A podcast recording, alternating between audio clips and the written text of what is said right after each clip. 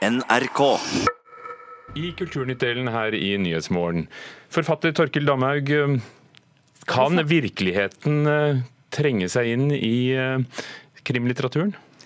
Å ja, det gjør, den, eh, det gjør den hele tiden, og det har den jo gjort uh, veldig lenge. Krimforfattere har jo ofte bakgrunn fra journalistikk eller advokater, politifolk, og har jo med seg sine erfaringer fra yrkeslivet inn i skrivingen. Vi skal snakke mer eh, med deg om noen minutter, eh, men først, altså Metoo-bevegelsen satt avtrykk på norsk politikk og har vært tema i kulturlivet nå i flere år faktisk allerede. Det var derfor jeg spurte om dette, da skjønner jeg. For nå skal den også prege bokhyllene. Tidligere TV 2-profil Trude Teige kommer til sommeren med en ny krimbok eh, som handler handler om seksuell trakassering og metoo.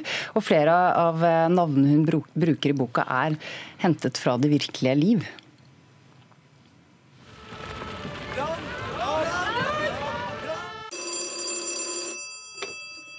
Kriminalvakta? Ja, jeg hører sirene. Dette er krim.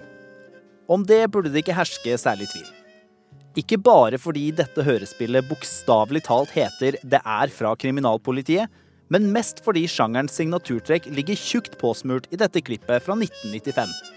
Men når forfatter og tidligere journalist Trude Teige gir ut sin nye krimbok over sommeren, dreier det seg ikke om kriminaletterforskeres jakt på brutale mordere. Ja, Den handler om um, seksuell trakassering, kjent som metoo, uh, i norsk politikk og i norske medier. Teige har basert boken på egen erfaring med politikere som mangeårig journalist på Stortinget.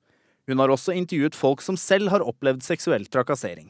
Dermed er det ikke bare tematikken fra metoo som blir hentet fra virkeligheten, forteller Teige. Altså, jeg bruker jo de sanne historiene fra norsk politikk, og jeg bruker til og med navnet på uh, de som har stått i vinden når det gjelder um, seksuell trakassering i norsk politikk.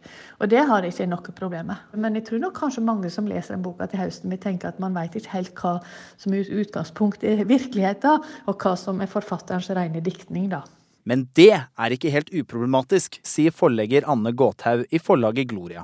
Skal du gi ut dokumentarlitteratur, så må man være ekstremt etterrettelig. Skal du gi ut en skjønnlitterær eh, roman, så er det noe helt annet. Men i det øyeblikket du begynner å blande eh, virkelige personer og virkelige hendelser, så er det klart at da må man være ekstra varsom selv i det skjønnlitterære feltet. Gåthaug sier for ordens skyld at hun ser frem til Teiges bok. Selv skal hun ut i boka Uten nåde, sakprosa skrevet av og om den svenske journalisten Fredrik Virtanen, som i 2017 ble anklaget for grove seksuelle overgrep. Ingen svenske forlag har villet gi ut boka som rystet svenske medier for drøyt et halvannet år siden. Det er klart at uh, Hans uh, fortelling her er viktig, men uh, de, altså de, problemstillingene som dukker opp i kjølvannet av det, i forhold til hvilke mennesker og uh, hendelser som er uh, beskrevet. Det er jo refleksjoner som vi gjør som forleggere hver eneste dag, og kanskje enda viktigere i dette tilfellet. Men uh, man skal gjøre det med allmue. Virkelig, for dette er fortsatt så sårt. Sier skuespiller Iselin Shumba. Men samtidig så må vi snakke om det på alle måter som vi kan snakke om det på. Hun var en av initiativtakerne bak scene- og filmbransjens oppgjør med seksuell trakassering under fanen Stille før opptak. Hun er ikke overrasket over at metoo nå blir tatt opp i litteraturen. Og jeg tenker at det kan være Det er viktig at det blir tatt opp i fiksjonen. Eh, for da kan, kanskje, da kan folk komme enda nærmere inn på hendelsesforløpene. Og folk som ennå ikke har forstått viktigheten, har en ny sjanse til det, da. Trude Teige sier forfattere har all makt i verden når de skriver fiksjon. Derfor er det viktig å være sitt ansvar bevisst når temaet er så sensitivt som metoo. Jeg tror vi er veldig påpasselige med at eh, vi må kjenne på våre grenser sjøl for hva man kan gjenfortelle. Boka til uh, Teige den heter 'Aldri tilgi' og skal gis ut på Aschehoug forlag. Og Reportere var Øystein Trosli Drabløs og Marianne Rustad Karlsen. Torkild Damhaug, du er altså festivaldikter på Krimfestivalen. Dere skal eh, snakke om virkelighet som overgår uh, diktningen. Uh, når du hører om en bok som handler om metoo-bevegelsen, som bruker reelle navn, hvilke etiske dilemmaer ser du for deg kan komme opp? Det er jo opplagte dilemmaer rundt det å, å, navngi noen i fiksjonslitteratur. Eh, de som blir navngitt, har jo liten mulighet til å forsvare seg mot det. Og får gjerne et stempel som det er veldig vanskelig å bli kvitt eh, senere. Og Hvis det dreier seg da i tillegg om eh, kriminalitet som er begått, så, jo, bør man være ekstra, ekstra varsom. Denne boken som Trude Teige skriver, kommer til høsten. Har du andre eksempler på at det kan gå gærent? Eller altså, Har du eksempler på at det kan gå galt, når, når virkeligheten og krimlitteraturen nærmer seg for mye? Eh, nei, jeg har vel ikke eksempler på at det kan gå galt. Jeg tror at krimlitteraturen har et veldig viktig bidrag i å nærme seg virkelige problemstillinger, og det har den gjort, eh, som vi var inne på, gjennom hele krimlitteraturens historie. Eh, og eh, det er noe med å gå inn i fiksjonslitteratur at du kan belyse problemstilling på en annen måte enn gjennom faglitteratur og dokumentar. Og, levendegjøre og kaste lys på en måte som kan øke forståelse. Og Hvis det er måten man går inn i problemstillingen på, så kan man gjøre noe som er veldig viktig. I motsetning til om man ønsker å spekulere eller underholde eller overgå ja, Der kom virkeligheten rett inn i form av din ringende telefon, Torkild Damhaug. Du har jo vunnet Den gylne revolver Riverton-prisen to ganger, er lærer på Krimforfatterskolen eh, og har bakgrunn som psykiater. Hva skal til for at eh, noe blir spennende og griper oss? Det er jo det er jo to ting. Det er hva det dreier seg om, om, om man forteller en historie som, som, berører. Men så er det selvfølgelig måten den, den fortelles på. Og Der har jo krimlitteraturen et fortrinn ved at den holder seg til eh, måter å fortelle på som, som mennesker alltid har, har, lyttet til. Altså Alltid blitt fanget av type fortelling som er, eh, hvor man bygger opp spenning og, og, har vendepunkter hvor det skjer noe overraskende. Og Det er noe som grunnleggende ligger i oss, at vi liker å bli overrasket. Så når du da sitter og, og lytter til nyhetsmorgen Nyhetsmorgen og Politisk kvarter om eh, skoleelever som streiker for klima, som de har gjort nå over hele verden i, i et stykke tid. Eh, hvordan kan f.eks. det bli til krim? Hvilke tanker gjør du deg? Det har jo blitt, og vil jo også være et tema for, for Krim, hvordan miljøkatastrofer kan eh, Hvordan det som en bakgrunn, altså en trussel mot oss, og hvordan noen kynisk eh, utnytter ressurser på en måte som skaper, eh, gjør situasjonen verre. Miljøkriminalitet er jo et tema som, som vil være aktuelt videre, og som allerede er brukt i krimlitteratur, selvfølgelig. Vi pleier å, si, å spørre er det noen som er for alvorlig til å spøkes med. Er det noe som er for alvorlig til å skrive skrive krim om? Nei, det er det ikke. Alt kan, eh, alt kan, man skrive om, selvfølgelig. Sommeren 2011 så ble jeg spurt av Jyllandsposten på sensommeren om det var mulig å skrive skjønnlitteratur om det som hendte 22.07. Eh, og Det jeg svarte da, var nok at eh, det har med to ting å gjøre. Det har med, med, når det skrives, og det har med hvordan det skrives. Når er jo det at i, i den første fasen, i sjokkfasen etter en stor tragedie, så bør man nok Eh, vente, avvente. For ellers kan man lett bli oppfattet som at man gjør noe spekulativt, og kanskje man også gjør det. Eh, men eh, man trenger en tid for modning før man skriver om, om de alvorlige begivenhetene som det.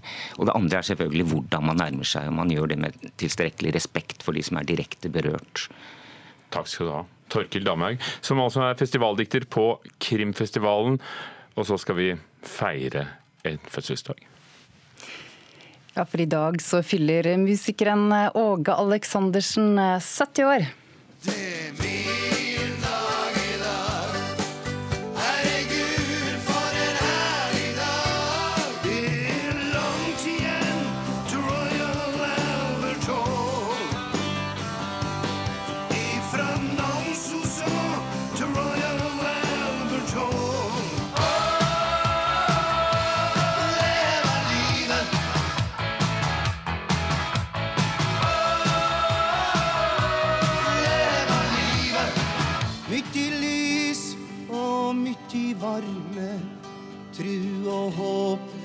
kan du få med. Mange tårer, tunge stunder, jeg er redd for at det blir. Ja, Siden eh, starten av 70-tallet så har Åge Aleksandersen vært en viktig del av norsk musikkliv, både som artist og låtskriver. Først med rockebandet Prudence, og så som soloartist sammen med Sambandet. Du er med oss nå fra studio i Trondheim, du Åge. Gratulerer med dagen. Det er jeg. Takk for det. 70 år. Hvor mange av dem har du spilt musikk? Jeg reiste på turné første gangen i 1969, da. Så da blir det jo veldig mange år.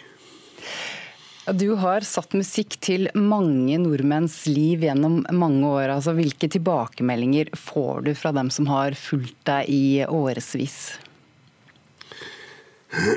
Ja, nei, det er veldig mye, det skjønner du. Men eh, stort sett hva skal jeg si, det er meldinger som er nært grava og nært våga. Det er hele spekteret. Men, men, men eh, jeg registrerer jo at sangene mine brukes da, rundt omkring, og det er vel noe av det fineste en sangskriver kan oppleve. Blir man pensjonist som musiker, eller er det bare å kjøre på? Alle driver og spør meg om det nå. jeg nei, men jeg, har ikke tenkt så mye på det før det, de siste dagene. Da. Og da er planen at ja, det har jeg, jeg har tenkt å fortsette å spille til jeg til den dagen kommer at jeg ikke greier å gjøre det her med en viss verdighet. Da, da blir det Det var ikke det sunneste yrket du valgte. Hva har du gjort for å holde deg i form?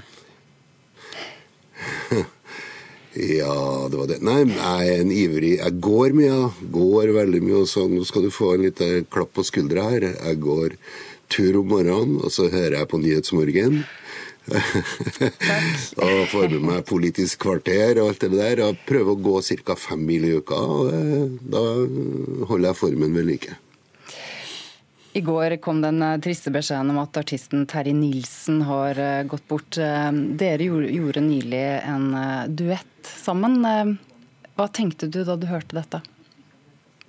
Nei, Det var fryktelig trist, altså. For jeg har faktisk kjent en Terje siden 69. Og, og sjøl om kanskje formen hans ikke var så veldig bra, så, så kom det her som et sjokk. Og ja, nei det var, det var en dårlig dag i går, for å si det på den måten.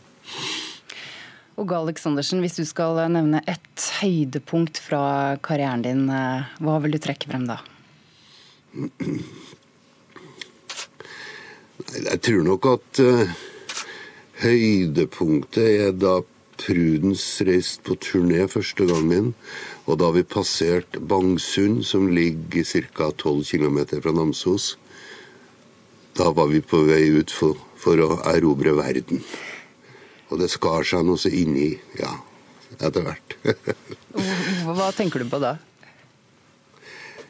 Nei, vi, vi oppnådde jo ikke akkurat noe verdensherredømme, da. Men vi, vi fikk gjort utrolig mange konserter. og Det var, det, det var drømmen som gikk i oppfyllelse. og Det var der det meste starter med det livet jeg har levd etter det. Og derfor så er det det, er det som, ja, som jeg vil trekke frem. da. Hvordan skal du feire dagen i dag?